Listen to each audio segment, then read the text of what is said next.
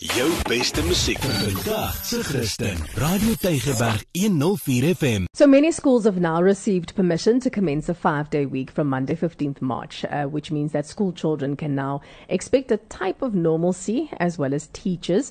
And you know, it's not been the easiest for any parent who's had to deal with becoming a teacher in their home overnight, and for teachers who've had to learn and rely on digital methods to keep things going so that our little ones can continue having a proper education that can prepare them for a better future. Now, this morning we chat to Elijah Mhlanga, spokesperson for the Department of Basic Education. Good morning, Elijah. Welcome to the On Page Show.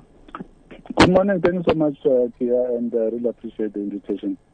Now, Elijah, it's been a difficult time for everyone, um, but with this recent change, many parents and teachers are breathing a sigh of relief. Are all schools commencing with this five day week, or are only those who have applied for it able to do so?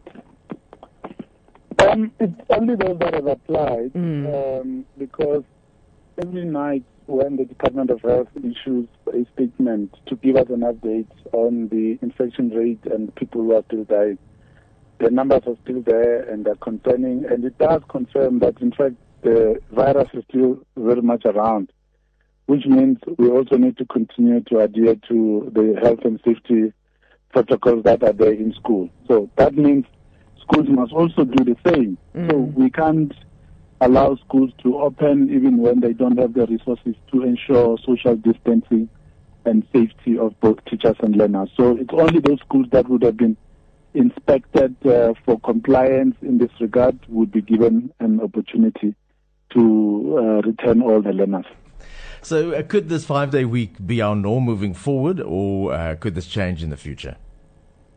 Well, it could. It could. Uh, the department right now, we're busy working on a new set of directions uh, that follow the president's announcement that uh, the country is now on level one. So the, some adjustments are being made, uh, but uh, the, the basic things, social distancing, wearing of mask and sanitizing, those remain in place.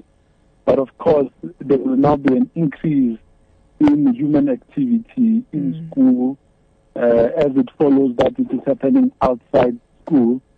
Um, but uh, it comes with a lot of responsibilities because people still get infected. And uh, some schools still get closed. I got a call on Monday from a teacher in KZN who said her school was closed on Monday. She's only going back on Thursday because of COVID cases. So you still have such occurrences, and uh, the idea is that you need to avoid all of those things and uh, allow curriculum uh, activities to continue.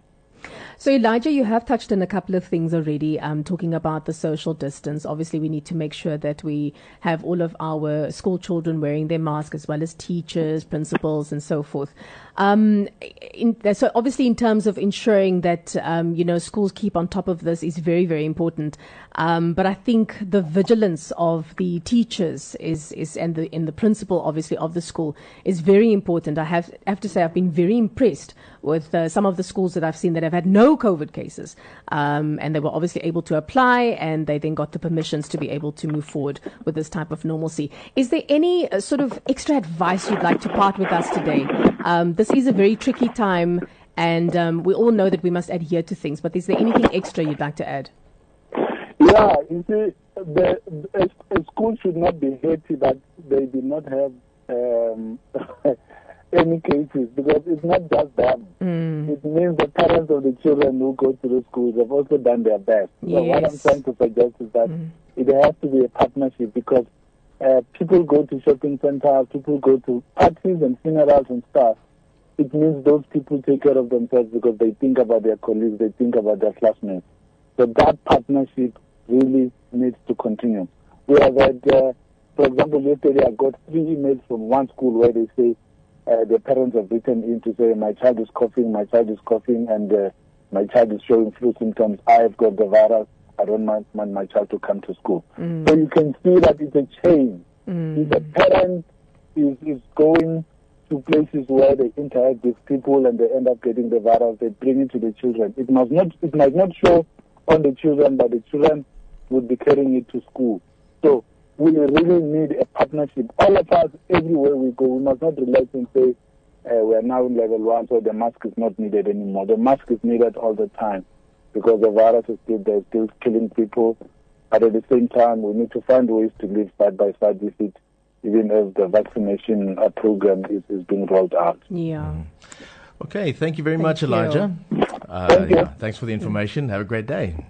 You too, thank you. Thank Okay, you. Take bye-bye. care. Bye. Bye. Jou beste musiek vandag se Christen. Radio Tygerberg 104 FM.